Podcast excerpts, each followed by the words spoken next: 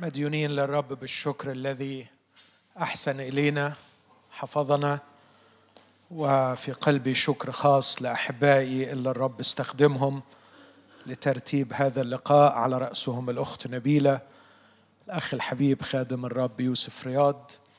سامح شكرا ليك مع شريف ورفيق ربنا يبارككم. مريم مع الباوربوينت الأخت عزيزة.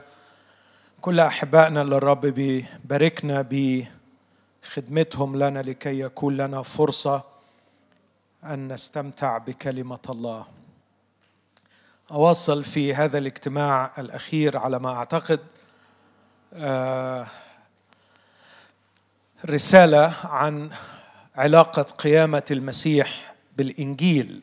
قيامة المسيح والإنجيل كما نتعلم عنها في رسالة روميا. ذكرت في اجتماع الظهر آه، أن الرسول ذكر قيامة المسيح حوالي 12 مرة لمس فيها سبع مواضيع عن علاقة القيامة أو سبع أفكار عن علاقة قيامة الرب يسوع من الموت بالإنجيل الذي آمنا به والذي فيه نقوم. في الاجتماع الأول عرفت ما هو الإنجيل ثم تكلمت عن كيف أن قيامة المسيح كانت هي البرهان الأعظم والأقوى على لاهوت المسيح. ثم ما علاقة ارتباط لاهوت المسيح بناسوته بالإنجيل؟ كيف أن الإنجيل يكتسب قوة خاصة؟ لأن موضوع الإنجيل هو ربنا يسوع الله الذي تأنس الكلمة الذي صار بشرا وحل بيننا. لكن هنكتشف إنه القيامة مرتبطة بكل ما هو مرتبط بالإنجيل في مجالات أخرى. على سبيل المثال قضية التبرير. قضية التبرير من أعظم القضايا المرتبطة بالإنجيل. فبدون الإنجيل لم يكن هناك تبرير. حتى في العهد القديم كان يراود الأتقياء الحلم بغفران الخطايا. كانوا يتمتعون بشيء اسمه الصفح عن الخطايا السالفة. وكانوا يحسبونه مغنما طوبى للإنسان الذي غفر إثمه. إنهم يتمنون الغفران يحلمون بإله غافر الإثم وصافح عن الذنب يطرح الخطايا ويدوسها. لكن لم تصل أفكارهم اطلاقا اطلاقا إلى هذا المفهوم العجيب التبرير. التبرير قاصر على الإنجيل. هنحاول نفهم ما علاقة التبرير بالقيامة بقيامة المسيح. التبرير جزء أساسي من الإنجيل لكن لها علاقة بقيامة المسيح. فأحاول أشرح علاقة القيامة بالتبرير. لكن أيضا هناك بعد آخر في الإنجيل ليس فقط التبرير لكن التحرير. لقد كان صراع الأتقياء المولودين من الله. أتقياء مولودين من الله. لكن وهم تحت الناموس كان لديهم صراع مرير مع الخطية الساكنة. فيهم عبر عن هذا الصراع المؤلم بولس في روميا سبعة. لكن الإنجيل يحمل خبرا مبهجا. إنه بسبب الارتباط بيسوع المسيح ليس لدينا فقط تبرير لكن لدينا أيضا تحرير. والسؤال ما هي علاقة القيامة بالتحرير؟ الذي يتكلم عنه الإنجيل. قضية ثالثة من قضايا المهمة جدا في الإنجيل أن الإنجيل ينقلنا من حالة العقم الروحي إلى حالة الإثمار. وهذا شوق دفين في أعماق الإنسان حتى الإنسان البعيد عن الله. يشعر أحيانا في داخله بكآبة لأنه غير مثمر. نحن نشتاق إلى أن نكون مثمرين.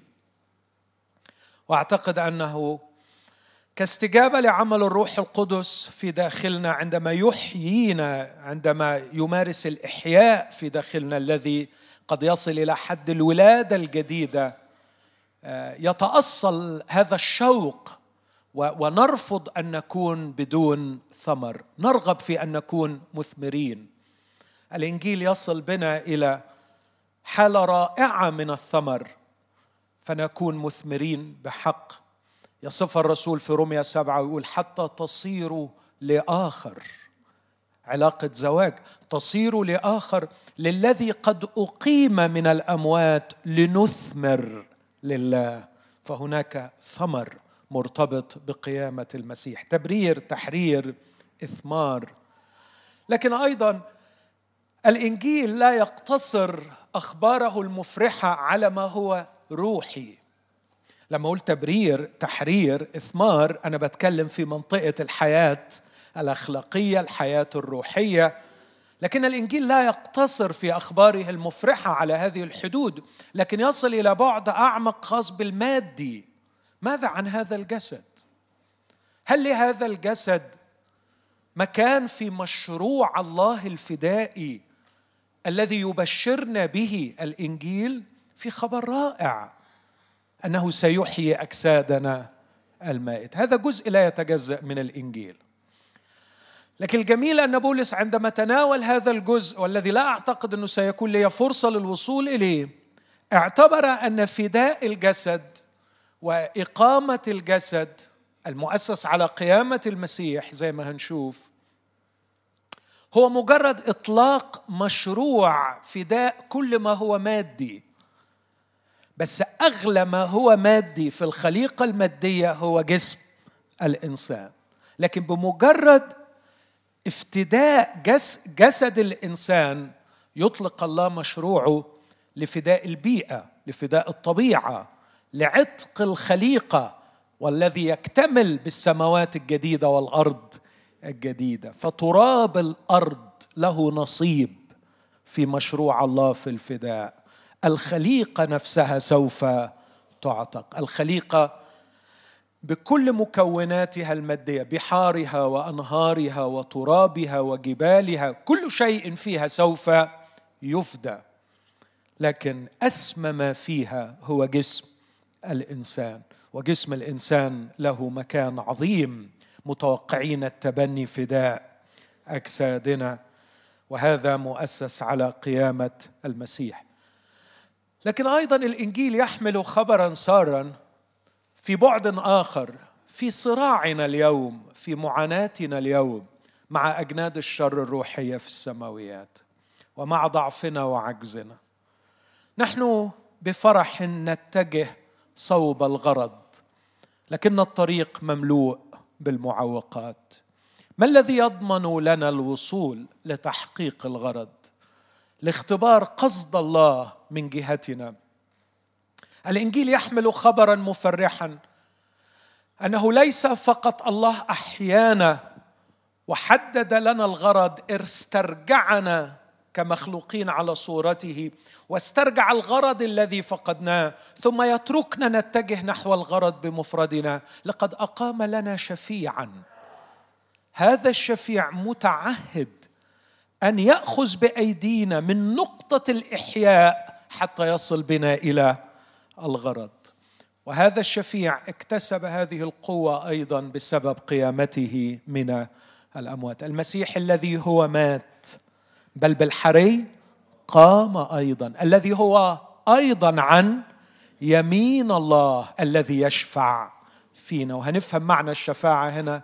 حاشا أن تكون عملية توسل لكن كما وصفتها بالضبط. إنه الترجمة الحرفية المقاول المتعهد.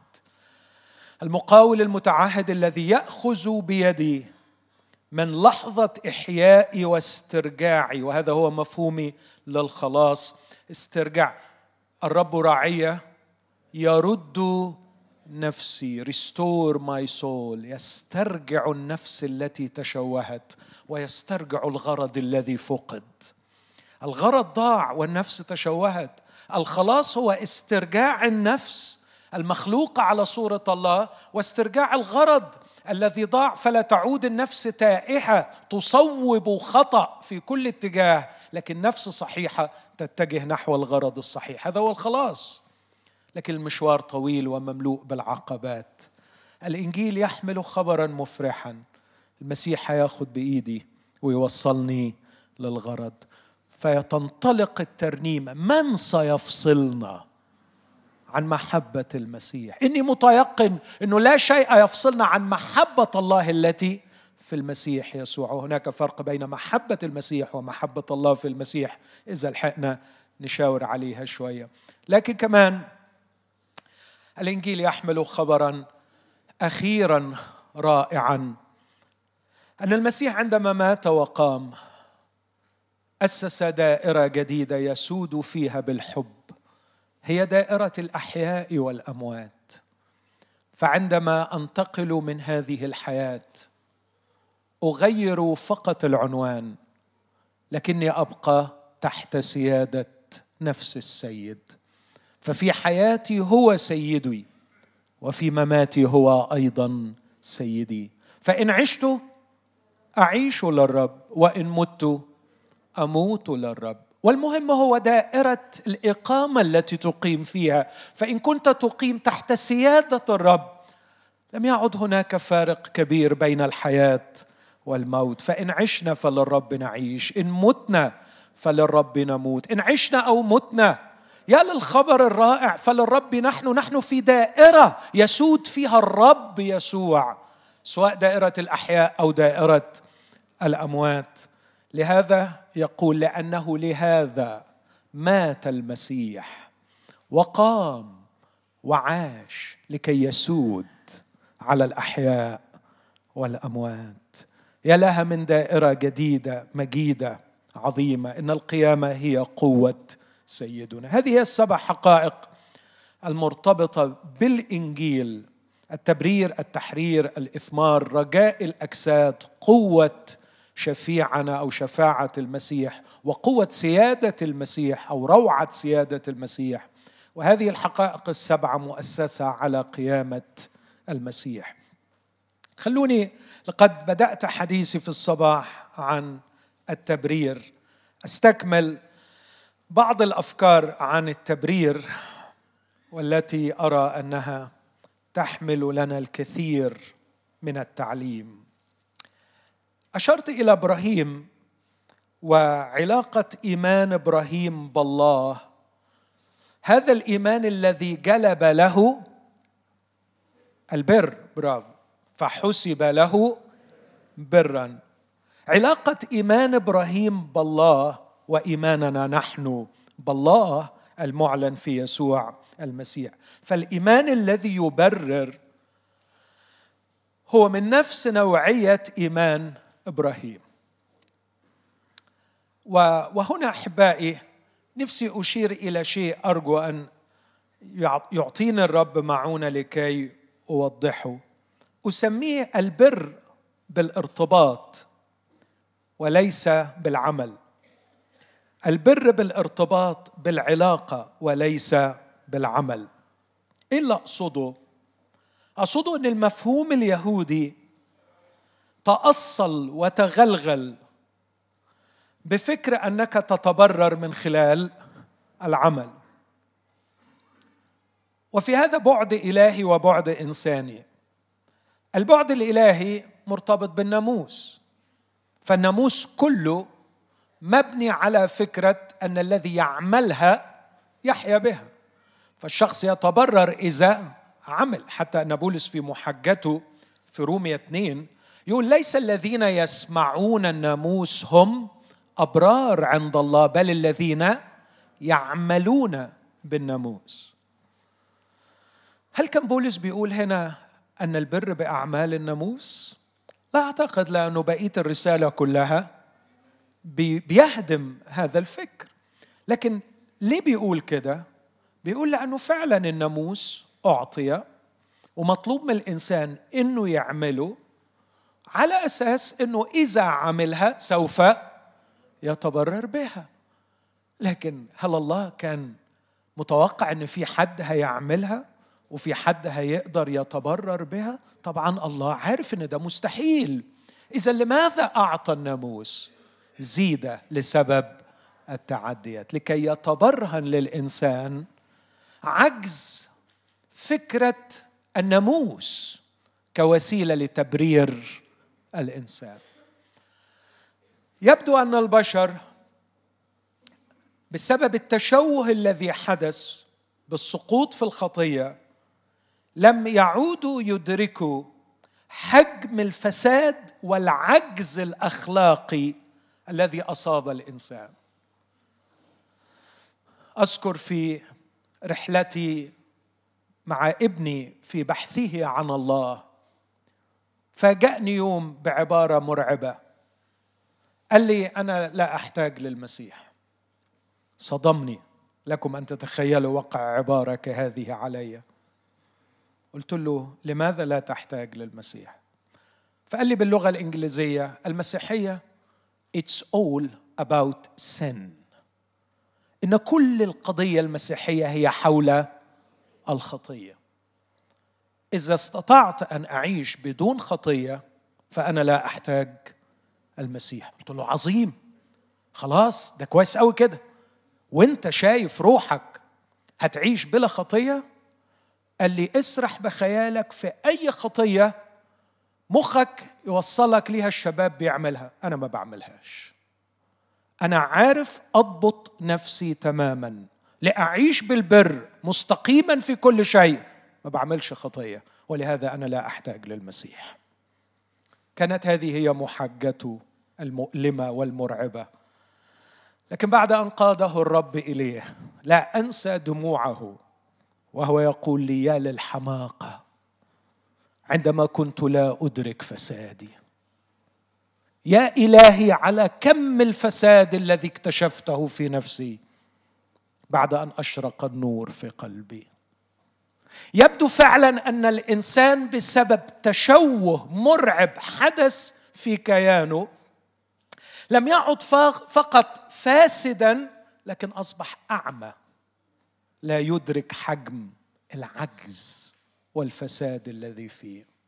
اسمعوا العبارة دي في قصة تحتاج إلى فحص أبعد من مجرد أن المسيح عمل معجزة. قصة تفتيح عيني المولود أعمى لأنه الرب يسوع بيفاجئ المجتمع اليهودي بعبارة مرعبة في الآخر. أقتبس منها جزء بسيط جدا. لأنكم تقولون أننا نبصر فخطيتكم باقية. يا للهول عندما يرى الإنسان نفسه أنه يبصر. من الواضح أن هناك وهم كبير أننا نبصر أننا نعرف حقيقة أنفسنا. لكن الواقع الذي يكشفه المسيح أننا عميان عن حالة أنفسنا. إخوتي إذا سألتوني سؤال شخصي أحاول أن أجيب عنه باتضاع وبإخلاص. إيه أكثر شيء بيؤلمك في إخواتك المؤمنين؟ أقول العمى من جهة حقيقة أنفسهم. لا أتكلم عن الخطاه أتكلم عن إخوتي المؤمنين. يبدو أن المرض مستفحل بعمق شديد جدا حتى أن كل معجزة شفاء المسيح لنا لم تسترجعنا بعد إلى الرؤية الكاملة لحقيقة أنفسنا. لذلك أعتقد أن واحد من أكبر مجالات القياس في النمو الروحي في التقدم الروحي هو انفتاح عيني على حقيقة نفسي. لو عايز مقياس أنت فين روحيا؟ أين ترى نفسك الآن؟ إلى أي حد أنت تبصر أنك لا تبصر؟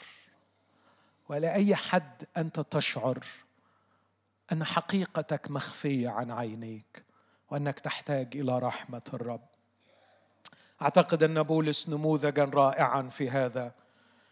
هذا الذي قال في أول رسائله المبكرة 53 ميلادية وهو يكتب كأنه للسقط ظهر لي أنا آخر الرسل آخر الرسل. وفي ستين أو واحد وستين كتب أعلن لي هذا السر أنا أصغر جميع القديسين وقبل رحيله من هذه الحياة قال الخطاة الذين أولهم أنا. إني أرى للأسف سيرا عكسيا في حياة كثير من المؤمنين. كلما تقدمت بهم الأيام كلما ازدادوا غرورا وثقة في صلاحهم وفي حكمتهم وفي رؤيتهم. بينما بولس مع الأيام كان يزداد رؤية لحجم الفساد الذي أوجدته الخطية. هذا هو عمل الناموس. عمل الناموس كان مرآة تساعد الناس من خلال وصايا لإدراك حجم الفساد الذي فينا. 613 وصية حطوهم موسى.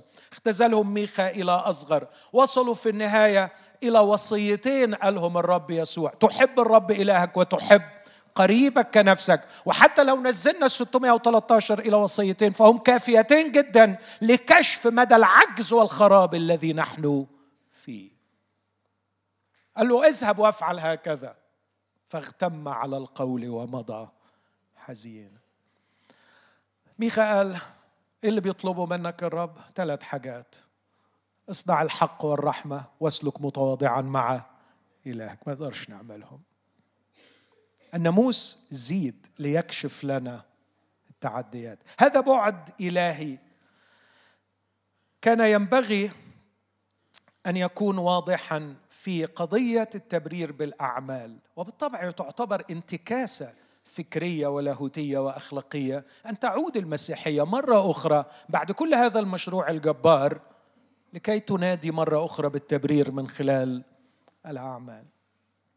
البعد الإلهي أن الناموس زيد لكي يكشف هذه الحقيقة لكن هناك بعد بشري.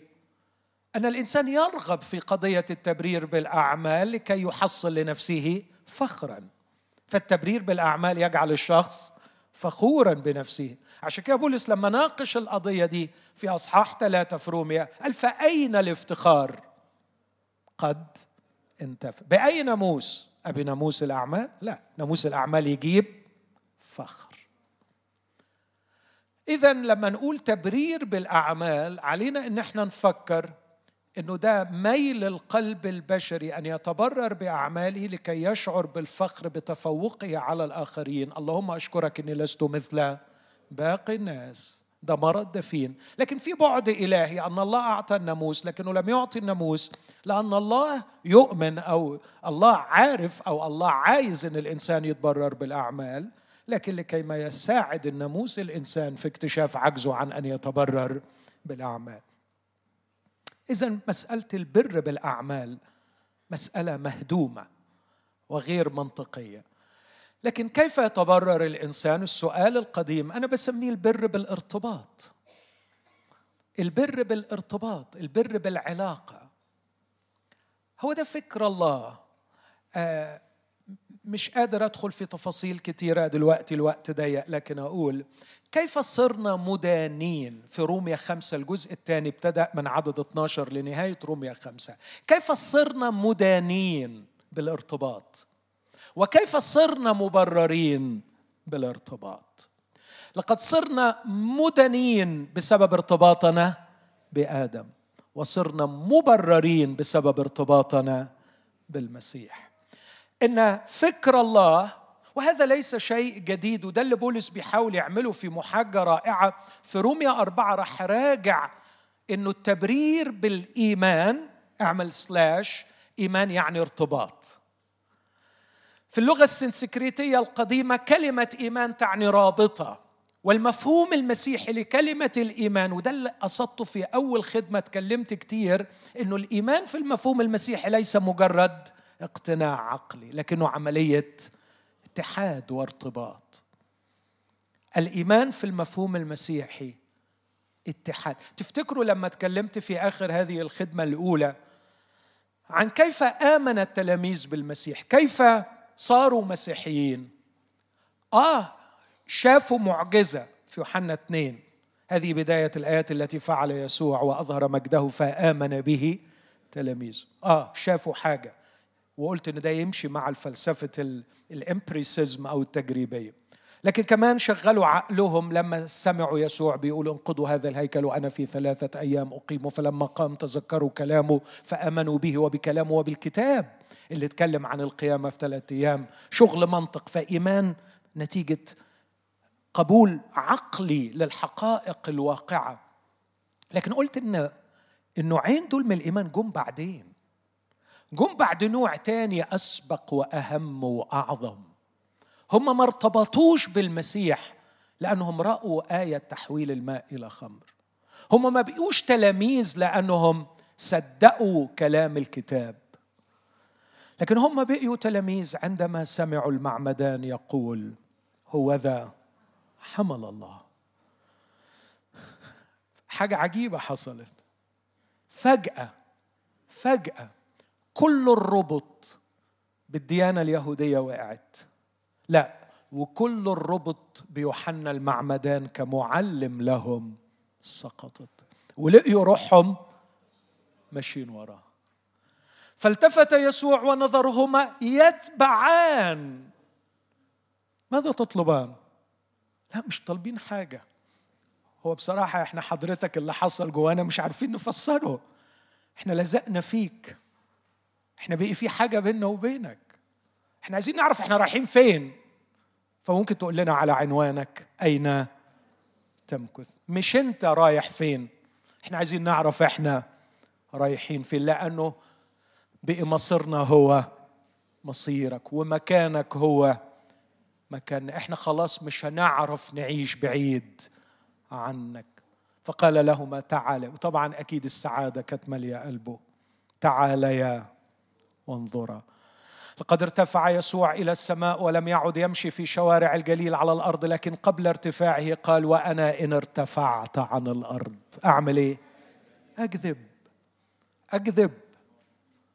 مش أقنع. مش أبرهن. أكذب. إن الإيمان في المفهوم المسيحي هو علاقة اتحاد ارتباط ناتج عن انجذاب لشخص المسيح. بهذا الارتباط يحدث البر. لأننا ارتبطنا بالمسيح صرنا مبررين. لكن هذا مبدأ قديم هذا ليس فكر حديث أتى به بولس. لكن بولس يؤسس لهذا الفكر التبرير بالإيمان يعني تقدر تقول التبرير سلاش إيمان سلاش علاقة أو ارتباط. التبرير بالعلاقة راح مرجعه لإبراهيم. ماذا فعل إبراهيم لكي يحسب له بر؟ أوعى تغلط وتقول قدم اسحاق. لا لأنه كلمة حسب له برا. بالعكس كانت في موقف في خيابة شوية من أبونا إبراهيم. خلوني أحكي لكم الموقف. ظهر الرب له. أتى إليه بأروع إعلان. الحقيقة إعلان يخجل. من كثرة كرم الرب لا تخف يا أبرام أنا ترس لك.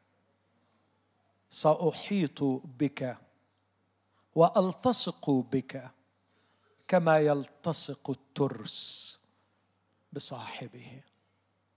وأنا أجرك الكثير جدا. مش أنا هدي لك أجر. أنا أجرك الكثير جدا. أنا بحبك يا إبراهيم وأنا ليك. أنا ترسك وأنا أجرك. عندما تفكر في مخاوفك وتبحث عن حماية لن أرسل لك حماية ملائكية فأنا حمايتك. وعندما تفكر في خسائرك وتحلم بتعويض لن أرسل لك تعويضا فأنا أجرك. أنا عايز أرتبط بيك يا إبراهيم. أنا ليك وأنت ليا. تصوروا رد على ربنا قال له إيه؟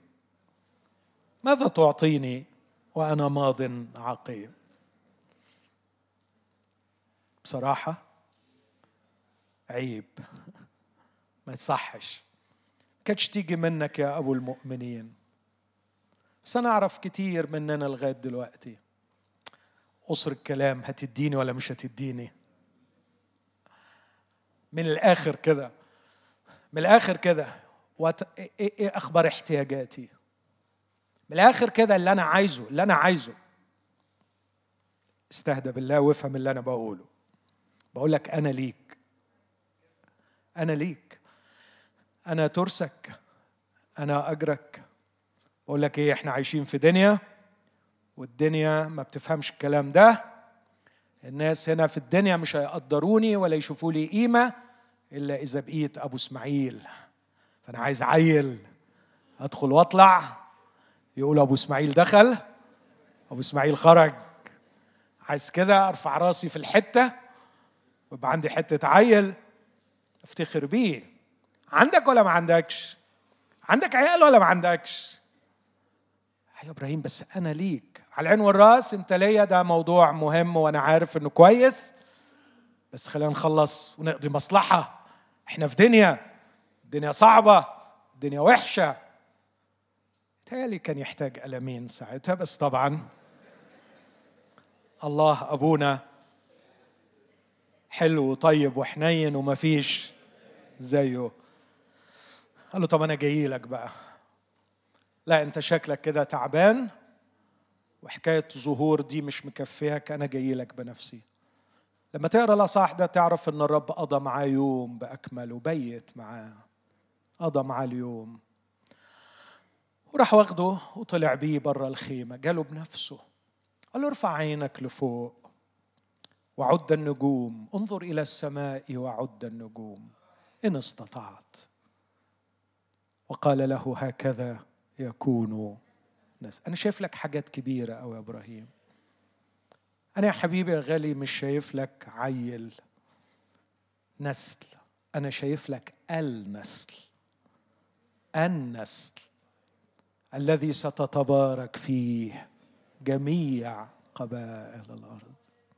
ده أنا يا ابني يا حبيبي. آه لو تقدر ترتقي فوق أفكارك الواهية وتخترق مقاصدي من جهتك. عندي كتير أوي يا إبراهيم ليك. عد النجوم إن استطعت. هكذا يكون نسلك. بس كان في إيد حبيبه ماشي معاه. فآمن إبراهيم بالرب. فآمن أبرام بالرب. فحسب له بر. خدت بالك البر جه إزاي؟ عندما قبل هذه العلاقة الجميلة وصدق الله وارتبط به واتفق معاه. عندما حصل الاجريمنت بينه وبين ربنا ودخلوا في هذه العلاقة علاقة الثقة والمحبة والارتباط البر جه تلقائيا. عشان كده الصبح قلت التشبيه ده. قلت تمد إيدك وتجري فيك الحياة يطلع على السكرين بر. خلاص بايد بار. بايد بار. بر بالارتباط وليس من خلال العمل. وساعتها الرب قطع معاه العهد. وإيه معنى العهد؟ العهد على ما إن فيه ارتباط. قطع معاه العهد في اليوم ده. وعملوا العهد بشكل رائع وراقي لما قطع الذبائح إلى نصفين. ماذا يعني العهد؟ العهد ان أنا بقيت ليك يا إبراهيم وعلى فكرة علشان ما تكونش أنت ملتزم بأي عمل من جانبك مش هتعدي معايا بين القطع. لكن اللي اجتاز بين القطع هو الرب وحده. انت مش قد أي التزام بأي عمل فأنا بقطع لك العهد وبقطعه على نفسي إني أدخل في علاقة معك وهذا العهد عهد أبدي لا يمكن أن ينفصل. هذا هو الأصحاح الذي أسس لمفهوم البر يأتي البر ليس بالعمل لكن يأتي البر من خلال الارتباط من خلال العلاقة من خلال العهد الذي قطعه الله على نفسه. علشان كده أرجو إن المفهوم ده يكون واضح. ده اللي بولس بيدافع عنه بشراسة وبعنف في رسالة روميا وبيقول إنه ننال هذا البر بالارتباط. طب يعني إيه أنال بر بالارتباط؟ بر تقدر تقول قبول حظوة آه، رضا فأنا مقبول عند الرب مرضي علي مقبول عنده لي حظوة عنده. عشان كده هو أسمى من الغفران. دايما بميز بينهم بكلمتين. الغفران يقول جو اذهب أنت مغفور الإثم روح. لكن البر ما يقولش روح لكن يقول تعال. البر أسمى جدا من الغفران. الغفران محوته كغيم ذنوب. خلاص مسحنا روح. لكن البر أنت جميل. تعال إلي. أنا حابب أرتبط بيك. أنا شايف فيك حاجة حلوة. وده شيء فوق خيال البشر لأنه كل اللي كان بيحلم بيه داوود طوبى لمن غفر إثمه وسترت. أنا كل اللي بحلم بيه إن عيوبي ما تبانش إنها تستر في اليوم ده إنه يمحو ذنبي. لكن فوجئت أن الله أعد لي شيئا آخر. الله أعد لي خطة تكسبني جمالا تجعله يشتهيني حبيبا له. بيشتهيني لأنه بررني فالبر يكسبني قيمة في عينيه وليس فقط يذهب عني ذنبي وقبحي وإثمي. عشان كده بيعطي بر بر بيعطي بر كأنه بيعطي جمال عوضا عن الرماد. هذا هو مفهوم البر. لكن في رسالة روميا بشوف إن في ثلاث أنواع من البر بسميهم هذه الأسماء. الثلاثة بر بسميه التبرير البدلي وده بالدم في روميا خمسة تسعة. وتبرير تاني أسميه التبرير النيابي وده بالموت في روميا ستة خمسة وسبعة. وفي تبرير أسميه التبرير الواقعي وده بالحياة في روميا 5 18 لو بتحب اللغة الإنجليزية يمكن لو استعملت الإنجليزية توضحها أكثر التبرير الأول substitutive بديل. التبرير الثاني فيدرال نيابي. شخص يمثلني. التبرير الثالث اكتشوال واقعي. حاجة ريل حصلت فعلا. إن في جمال حقيقي اكتسبته. لو خدت كلمة جمال يعني مبدئيا كده مش بتدقيق بس مجرد مؤقتا إنه كلمة جمال توصف القيمة الجميلة اللي اكتسيت بيها ممكن تقول إنه بقي في جمال حقيقي واقعي مش مجرد حسابي. أمر على الثلاثه بسرعة. في روميا خمسة عدد تسعة الرسول بيقول ونحن متبررون الآن بدمه.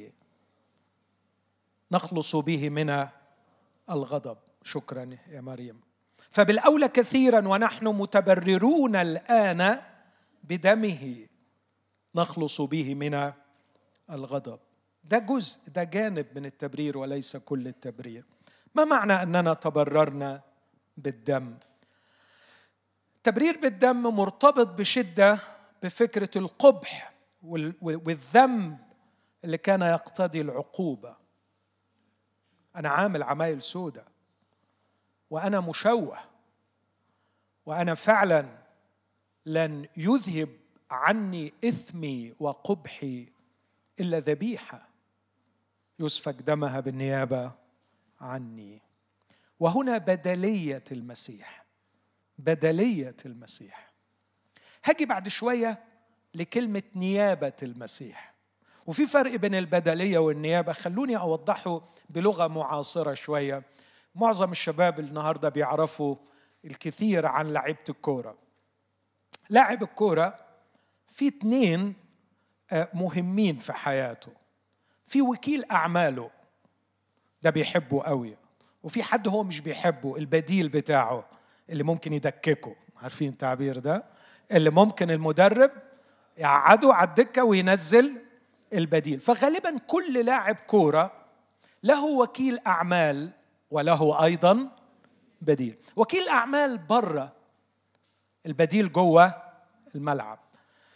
ده ليه شغل وده ليه شغل. وكيل الأعمال يوقع عنه العقود وغالبا بيفهم في العقود أكتر منه. عمر اللاعب ما بيدخل في الموضوع ده لأنه ما يفهمش لكن وكيل الاعمال بيبقى دارس السوق ودارس القضايا وعارف كويس قوي. فينوب عنه في كل شيء قانوني بحيث إن اللاعب مش فاضي للقصة دي خالص ولا يفهم فيها. لكن وكيل أعماله قانونيا له كل الحق أن ينوب عنه. بس ما يقدرش ينوب عنه في الملعب. مظبوط؟ في الملعب ما يحتاجش نائب يحتاج بديل. بس لاحظ إن البديل في الملعب غالبا بيعمل نفس الحاجات والوظائف اللي اللاعب ده بيعملها. النائب ما بيعملش نفس الوظائف لكن بيقوم بالنيابة عنه بوظائف هو ما يقدرش يعمل. طبعا التشبيه دايما قاصر لكن ده يمكن يوصل الفكرة. المسيح كان بديلي وكان أيضا نائبي. كان نائب عن الجنس البشري في أخطر قضية. عندما مثلنا أمام الله كرأس جنس كرأس جنس واحد من البشر ينوب عنهم ليضع نهاية لجنس فشل ويؤسس لجنس جديد. وهذا فعله بالموت. بالموت. لكن قبل ما أجي للموت والنيابة أروح للبدلية والدم. المسألة هنا ليست بالنيابة عنا جميعا لكن بديل لكل واحد فينا. المسيح مش نزل للملعب راح للجلجسه وفي الجلجسه سمعت المسيح يقول كلمات أعرفها جيدة. سمعته في الجلجثة بيقول حاجات أنا أفهمها وأكاد أتجرأ وأقول له يا سيدي لا علاقة لك بهذه الأشياء فأنا الذي أفهم هذه الأشياء. سمعته في الجلجسه يقول حماقتي وذنوبي عنك لم تخفى. من أين للمسيح بالحماقة؟ ومن أين للمسيح بالذنب؟ سمعته هناك يقول غرقت في حمأة عميقة وليس مقر. الحماقة هي حماقتي أنا والخطايا خطاياي أنا. لكن المسيح كان بديلي اعتبر أن هذه الخطايا هي خطاياه كان يؤدي وظيفتي كمدان وقدين لأنه كان بديلي ووقعت عليه كل العقوبة التي كنت أنا أستحقها. أعتقد انه التشبيه الكتابي أقوى. في خروج 12 هناك ليس فقط إنقاذ من الغضب ومن العقوبة لكن هناك جمال هناك جاذبية. لقد رش الدم على القائمتين والعتبة العليا. فجعلت الله نفسه يعمل بصخة على الباب ويحتضن الباب. فعندما يعبر المهلك لا يدخل لكي يضرب. احتضان بسبب الدم. متبررون بدمه. نخلص به من الغضب. رش علينا الدم فصرنا مقبولين فيعبر عنا المهلك. لكن هناك مشكلة أعمق من إن أنا عملت خطايا. يعني التبرير بالدم ده مرتبط بخطاياي بأثامي بذنوبي بكل اللي عملته واللي شاله المسيح كبديلي على الصليب. لكن هناك مشكلة أعمق إني منتمي لجنس الضربه عميقه فيه. أنا منتمي لجنس آدمي فالقضية مجازا أقول لو فرضنا أني لم أفعل خطا واحدا بسبب إني نابت وخارج من جذع فاسد اللي هو آدم بعد السقوط فأنا مدان. وكلمة مدان هنا مش بمعنى إنه هيوقع عقوبة لأن العقوبة مرتبطة بالأفعال ودي في النقطة اللي فاتت. لكن مدان يعني مشطوب عليه كوندمد مرفوض. أنت حبيبي خلينا نقول ما عملتش ولا غلطة بس ال ال الأصل اللي أنت طالع منه أصل فاسد. فما أقدرش أسكنك معايا ما أقدرش ندخل في علاقة مع بعض. طب وإيه حل المصيبة دي؟ نقطعك من الجذع ده. نستأصلك من الجذع ده. وده مش محتاج سفك دمه لكن محتاج موته. يموت وأنا أموت معه. عشان كده يتكلم عن المسيح أحيانا في صلبه مش إنه ذبح لكن يتكلم عنه إنه قطع.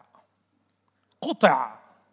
ونحن وبولس استخدم التعبير ده لما يقول اننا قطعنا بختان المسيح. ختنتم ختانا غير مصنوع بيد ختان روحي بختان. المسيح ختان يعني قطع. ده نلاقيه في روميا ستة. نقرأ العبارة دي عن التبرير.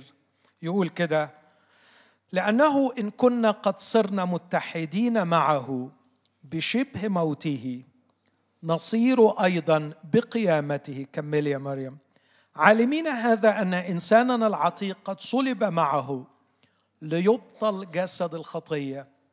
كي لا نعود نستعبد أيضا للخطية. الكلام ده كله مهم وإذا كان في وقت أرجع له في قضية التحرير لكن عدد سبعة هو اللي يهمني. لأن الذي مات قد تبرأ من الخطية. هنا في تبرير بس تبرير مش من الخطايا لكن تبرير من الخطية. الخطايا هي الأفعال. الخطية هي الحالة التي وجد عليها آدم بعد السقوط. اللي يقول عنها في روميا 5 12 بإنسان واحد دخلت الخطية إلى العالم وبالخطية الموت وهكذا اجتاز الموت إلى جميع الناس. إذ وجد الجميع خطاة الكل بقيوا خطاة لأنهم طالعين من نفس الأصل. لكن أنا اتحدت مع المسيح في الموت. وعندما مت مع المسيح حصلت معجزة روحية. لقد قطعت من الجنس الآدمي. فلم أعد أمام الله بني آدم لكن أمام الله إنسان في المسيح. دي حقيقة غايبه عن كثير مننا. إننا لم نعد أمام الله في آدم لكننا أصبحنا في المسيح. في آدم يموت الجميع. في المسيح سيحيا الجميع. فكر فيها. تقول مش فارقة معايا كتير. لا لو فكرت فيها هتلاقيها تفرق. هو وضع قانوني أكثر منه عملي. بس حلو قوي إنك تعرف وضعك القانوني أمام الله. وضعك القانوني أمام الله اللي يسموها ستاتس كو يعني الحالة المبدئية. الوضع المبدئي جدا إنه مرضي عليك لأنك إنسان في المسيح. أعتقد لو فكرت فيها تفرق معاك. أنا مش بجاهد لكي يرضى علي. أنا مش بجاهد لكي أقبل. لا. الحالة المبدئية بتاعتي أنا في المسيح.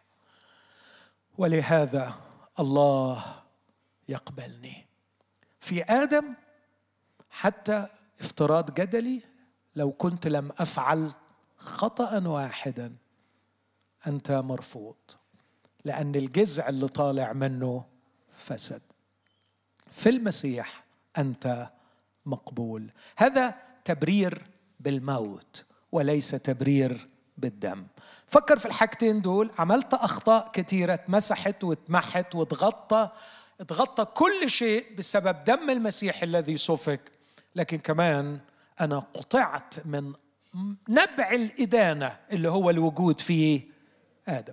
وعشان كده بولس لو تلاحظ معايا كده بص معايا في روميا 5 18 من فضلك. الفكرة دي توضح قوي روميا 5 18 والعبارة دي هنرجع لها تاني اللي هي رومية 5 18 بس بص كده ركز معايا وافتكر الكلام اللي أنا قلته من شوية. فإذا كما بخطية واحدة. إيه الخطية الواحدة دي؟ خطية مين؟ آدم. لو مش متأكد إنها خطية آدم ارجع لهم مش لي أنا ليهم. عدد أو عددين يا مريم؟ أهو لا كفاية عدد واحد. لأنه إن كان بخطية الواحد. مين الواحد ده؟ آدم. تعالي بقى نروح لعدد 18 فإذا كما بخطية واحدة الواحد ده اللي في عدد 17 عمل خطية واحدة. صار الحكم إلى جميع الناس للإيه؟ للإدانة. يعني كوندمد مش خلاص عليه علامة إكس لكن اسمع هكذا ببر مش ببر واحد ببر واحد اللي هو عمل الطاعة الذي عمله يسوع المسيح عندما أطاع حتى الموت موت الصليب. صارت الهبة إلى جميع الناس لتبرير الحياة. هو اللي أقصده التبرير بالارتباط. واضح قوي هنا التبرير بالانتماء. أنا مبرر. لأني تبع المسيح. أنا مبرر لأني تبع المسيح. تعجب ولا ما تعجبش؟ لا أكيد ما تعجبش ناس كتير.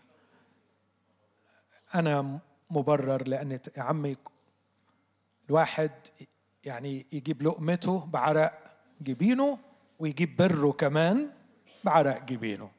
لكن حكاية أنت متبرر علشان تبع دي ما تلزمنيش.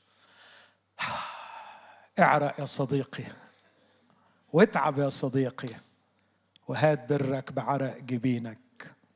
مسكين مسكين لن يكفيك العمر ولا مئة عمر لكي تحظى بالقبول أمام الله. سيكافئك على كل عمل بر هنا لكن الله قرر وقصد أن يكون البر من خلال الارتباط بشخص المسيح. لكن يبقى التبرير الواقعي بقى. كل اللي أنا قلته ده حسابات قانونية. يحسب له برا يحسب له برا. فلأني سترت بالدم دم المسيح الخطايا اتمسحت وبيت مقبول أرى الدم وأعبر عنكم. ولأني قطعت من آدم وطعمت في المسيح وبقيت من جذع جديد إن كان أحد في المسيح فأنا بقى برضه مبرر خلاص. فكل دي حسابات. لكن بصراحة أنا نفسي أشوف حاجة على أرض الواقع. يعني إيه؟ يعني مش عايز بس ربنا يشوفني جميل وإن كان ده على عيني وراسي كتر ألف خيره. أنا عارف شكلي وحش بس هو شايفني جميل ده كتر خيره دي نعمة. بس بصراحة أنا نفسي أكون جميل. نفسي كده. نفسي أبقى حلو فعلا. نفسي يعني يبقى جمالي مش حسابي لكن يبقى جمالي جمال واقعي. يعني شوف في حاجة عدلة فعلا. هنا يأتي التبرير الثالث اللي موجود في العبارة دي. ببر واحد صارت الهبة إلى جميع الناس لتبرير الحياة. أحيا لا أنا بل المسيح يحيا في هل هذا خيال؟ نعم إنه واقع أعظم من الخيال. لقد صار المسيح يحيا فيا هل رأيت الجمال متجسدا فيه على الصليب؟ وهو يقول يا أبتاه اغفر لهم. ربما تقف وتكتب الشعر طويلا عظيما عن هذا الجمال الذي بدا في هذه النوع من الحياة. ما هذه الحياة التي تطلب الغفران لصالبيها؟ لكن انتظر قليلا يا صديقي بعد أيام قليلة. رأينا نفس نوعية الحياة تجري في تلاميذه. فنرى تلميذا آخر في نفس الموقع يرجم وهو يرجم ويموت.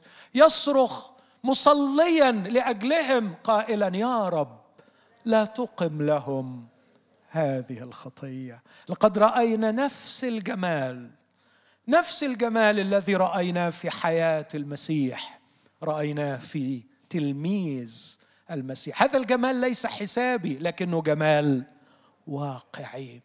لكن لاحظ قبل أن يصل إلى لحظة الموت ويبرز هذا الجمال في صلاة من أجل صالبيه ظهر الجمال في الحكمة. التي لم يستطع كل مجلس السنهدرين كل مجمع اليهود أن يقاوم الحكمة التي كانت فيه. ألا يذكرنا هذا بالجمال الذي كان في المعلم؟ وهو ينتقل من حوار إلى حوار ومن محاجة إلى محاجة. كان يسكت ويفحم مقاوميه. إخوتي كم أحب هذا الجمال؟ جمال حياة المسيح. هذا الجمال يعني بالنسبة لي انطلاق الروح القدس في حياة الشخص مدفقا حياة المسيح فيه لكي يظهر جمال المسيح في هذه الحياة. وده اللي كان كتير الرسول بيتكلم عنه بيقول نتغير إلى تلك الصورة عينها. ده اللي كان بيتكلم عنه بيقول يا أولادي الذين أتمخض بكم إلى أن يتصور المسيح. فيكم. ده روح الحياة الذي روح الله القدوس أطلق حياة المسيح في هؤلاء. وأعتقد إنه التوقف عند حد التبرير البدلي والتبرير النيابي آه، يترك النفس أحيانا نهشا للشكوك لأنه النفس تشتاق أن ترى شيئا في أرض الواقع. التبرير الواقعي بانطلاق حياة المسيح فينا. السؤال بقى المهم ما علاقة القيامة بكل هذا. أقول أن القيامة هي إعلان هي المصادقة على التبرير البدلي والنيابي هوضح لكنها هي نبع التبرير الواقعي. أوضح كلامي.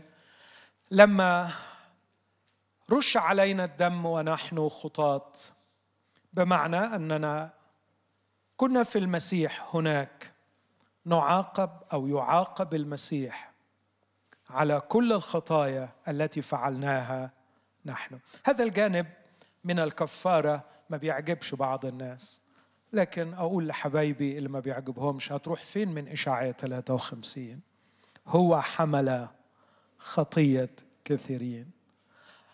يقول عنه وأثامهم هو يحملها. الرب وضع عليه إثم جميع. تروح فين من نص؟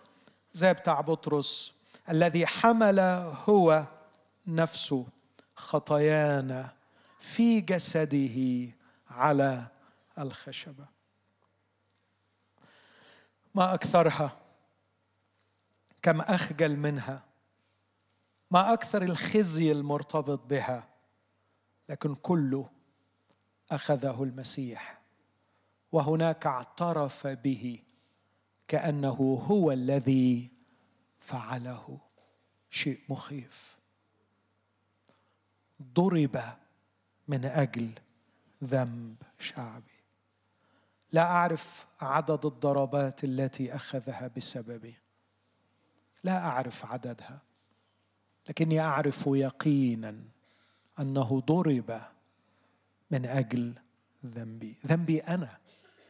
ذنبي أنا. لا أتكلم عن ضربة الصياط على ظهره الكريم لكن ضربة سيف الله الذي يبغض الإثم. أعرف أن ربي يسوع المسيح ضرب في ساعات الظلمة بسيف الله. قد عرض المسيح ظهره لله لكي يضربه نيابة عني. وعلى قدر كثرة خطاياي ومعاصي ضرب المسيح من أجل ذنبي. أسلم نفسه لأجلي. من أين كنت أطمئن أن الضربات التي تلقاها قد وفت وكفت. كيف كنت أعرف أنه لم يعد علي ذنب؟ أضرب بسببه في المستقبل. الدليل الوحيد هو قيامة المسيح. عندما قام وذهب وأراهم يديه وجنبه كان يقول أن الفواتير قد سددت. سلام لكم. اذهبوا الآن احتفلوا. اذهبوا الآن رنموا. اذهبوا الآن بشروا.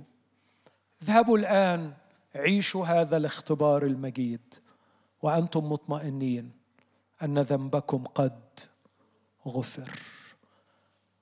انتزع إثمك وكفر عن خطيتك الدليل هو قيامة المسيح. عشان كده يقول أسلم أربعة خمسة وعشرين.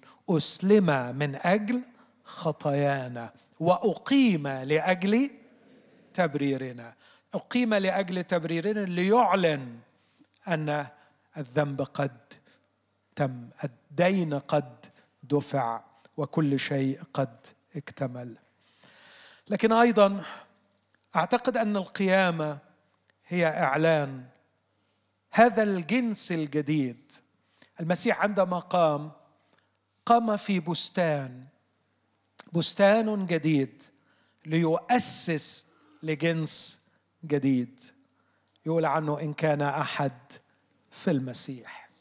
عشان كده أحبائي دايما بحب أقول العلاقة دي إنه في روميا بيتدرج بنا في روميا خمسة بالمسيح روميا ستة مع المسيح روميا سبعة للمسيح روميا ثمانية في المسيح. يصل بنا إلى القمة في روميا ثمانية. لقد أصبح هناك رأس جديد لجنس جديد. بولس يقول وإن كنا قد عرفنا المسيح حسب الجسد الآن لا نعرفه لأنه إن كان أحد في المسيح فهو خليقة جديدة. الأشياء العتيقة قد مضت. هو ذا الكل قد صار جديدا. قيامة المسيح في فجر الأحد وذهابه بفرح إلى التلاميذ وإعلانه الجديد اللي ما كانش ممكن يقوله قبل القيامة اذهبي قولي لإخواتي بقيوا مني وبقيت أنا منهم. لقد تم تمزيق كل الباسبورات القديمة لم تعد الجنسية آدمي. لكن أصبحت الجنسية مسيحي خلاص لم يعودوا ينتموا إلى آدم أمام الله. أصبحوا ينتموا لي. أبي وأبيكم إلهي وإلهكم. وهنا كلمة إلهي وإلهكم تبين أنه واقف قدام الله بديل عن آدم. واقف قدام الله في نفس الموقف اللي كان واقف فيه آدم. بس آدم زمان مرضيش يقول إلهي. أراد أن يكون هو الله. لكن شوف الروعة والفارق بين آدم الأول وآدم الأخير. آدم الأول كان مطلوبا منه أن يحني رأسه لله ويقول هذا هو إلهي. لكن للأسف أراد أن يكون هو الله. آدم الأخير الذي لم يحسب خلص أن يكون معادلا لله. جاء أخلى نفسه اخذا صورة عبد وفي النهاية بعد ما قام من الأموات يقول عن الله إلهي كم يشرفني أني أنتمي إلى آدم الأخير. نفسي النهارده ربنا يعمل delete للبرنامج اللي نازل في دماغك إنك آدمي واقف قدام الله وربنا من رحمته راضي عليك. لا. نزل كده software جديد. أنت في آدم الأخير وال default بتاعك الأساس بتاعك إنك في المسيح مرضي عليك. إن كان أحد في المسيح فهو خليقة جديدة. ارمي روحك في حضنه. خلي حضنه ده هو يعني أسهل حاجة بالنسبة لك. ترمي في حضنه على طول ترمي في حضنه على طول. لأنك من الأصل مقبول. الطفل الصغير عمره ما يتردد إنه يلقي بنفسه في حضن أبيه. لسبب بسيط إنه عارف إنه مبدئيا هو مقبول هو مقبول عند أبيه. أنا في المسيح. أنا فيه شخص جديد. أنا فيه قلب سعيد. أنا في المسيح. إلهي وإلهكم. كانت القيامة هي إعلان إتمام التبرير النيابي والتبرير البدلي التبرير بالموت والتبرير بالدم. لكن الرب يسوع لما راح العليه راح عمل حاجة تاني. مش بس أراهم يديه وجنبه لكن عمل حركة تاني أقوى جدا. لم تتكرر إلا مرة واحدة في كل التاريخ. نفخ. وقال لهم اقبلوا الروح. القدس. الكلمة اليوناني جاية بدون أدوات تعريف. اقبلوا روحا قدسا. عشان كده المفسرين المدققين بيقولوا ما كانش بيعطيهم الروح القدس. لأنه فعلا عمليا الروح القدس جاء يوم الخمسين. لكن أعطاهم حياة القيامة حياة آدم الأخير. ده اللي بيقوله بولس في رومية 15 لما الرب نفخ في آدم صار آدم نفسا حية. لكن آدم الأخير ما تنفخش فيه هو اللي نفخ فصار روحا محييا هو اللي بينفخ يدي حياة. مع تحفظ صغير إن الحياة دي مش هتوصل فعليا إلا بمجيء الروح القدس. عشان كده سماها روحا قدسا لأنه نوع حياة لا يتدفق إلا بالروح القدس. وده اللي حصل في يوم الخمسين. وده اللي بيوصفه بولس ويقول لأننا جميعا سقينا روحا واحدا. في نوع من الحياة اسمع كده في رومية 8 يقول ناموس روح الحياة في المسيح يسوع. إنها حياة جديدة. حياة المسيح المقام يحقنها الروح القدس فينا يدفقها فينا. وعلى قدر انطلاق الروح القدس في حياتك على قدر جرعات الحياة التي يدفقها فيك. فيحدث التبرير الواقعي. تبرير الحياة. ويبان جمال حياة المسيح. وهذا التبرير هو أساس التحرير. لأنه لاحظ التبرير البدني والنيابي صحيح يضع أساس لكن الواقع فعلا ناموس روح الحياة في المسيح يسوع هو الذي أعتقني. فيش قوة على الحرية فعلا إلا بانطلاق عمل الروح القدس في تبرير الحياة. أعطاني هذه الحياة. هذا هو عمل القيامة. الساعة دلوقتي ثمانية وسبع دقايق. تسعة وسبع دقايق. وإحنا المفروض نخلص بعد ثلاث دقايق. عشان كده أكتفي بالقيامة قوة تبريرنا. القيامة أعلنت تبريرنا البدلي والنيابي لكن هي نبع تبريرنا الواقعي. رومية خمسة 18 مع يوحنا عشرين مع كرونسوس الأولى 15 آدم الأخير صار روحا محييا. كلما ينطلق روح الله القدوس فيك يطلق فيك مزيدا من الحياة. كما اشتاق أن نحترم ونحب الروح القدس. لأنه روح الحياة في المسيح يسوع. خلونا نقف مع بعض وإحنا بنرنم مع سامح. بنستمتع بالمسيح المقام.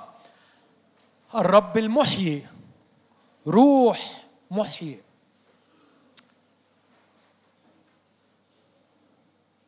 قل له جدد نفختك فيا. جدد النفخة فيا.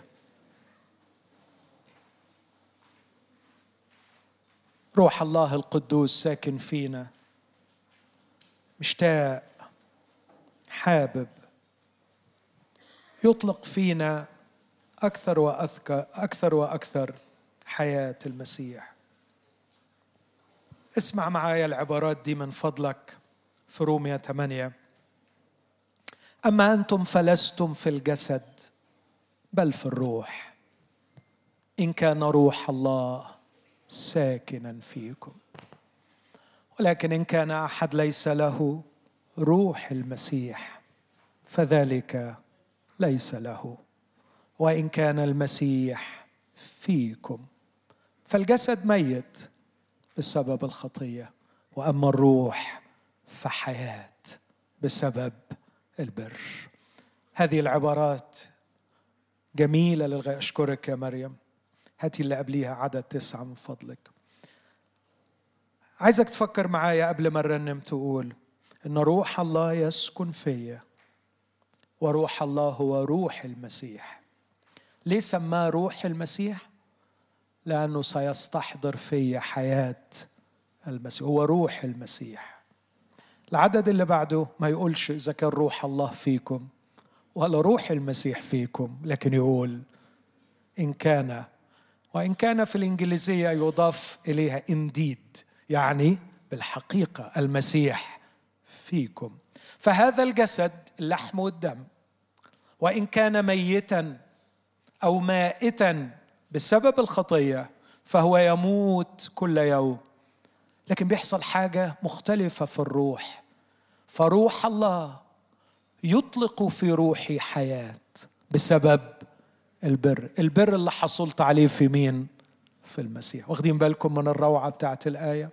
وأنا أرى جسدي يتحلل مع الشيخوخة وأضعف.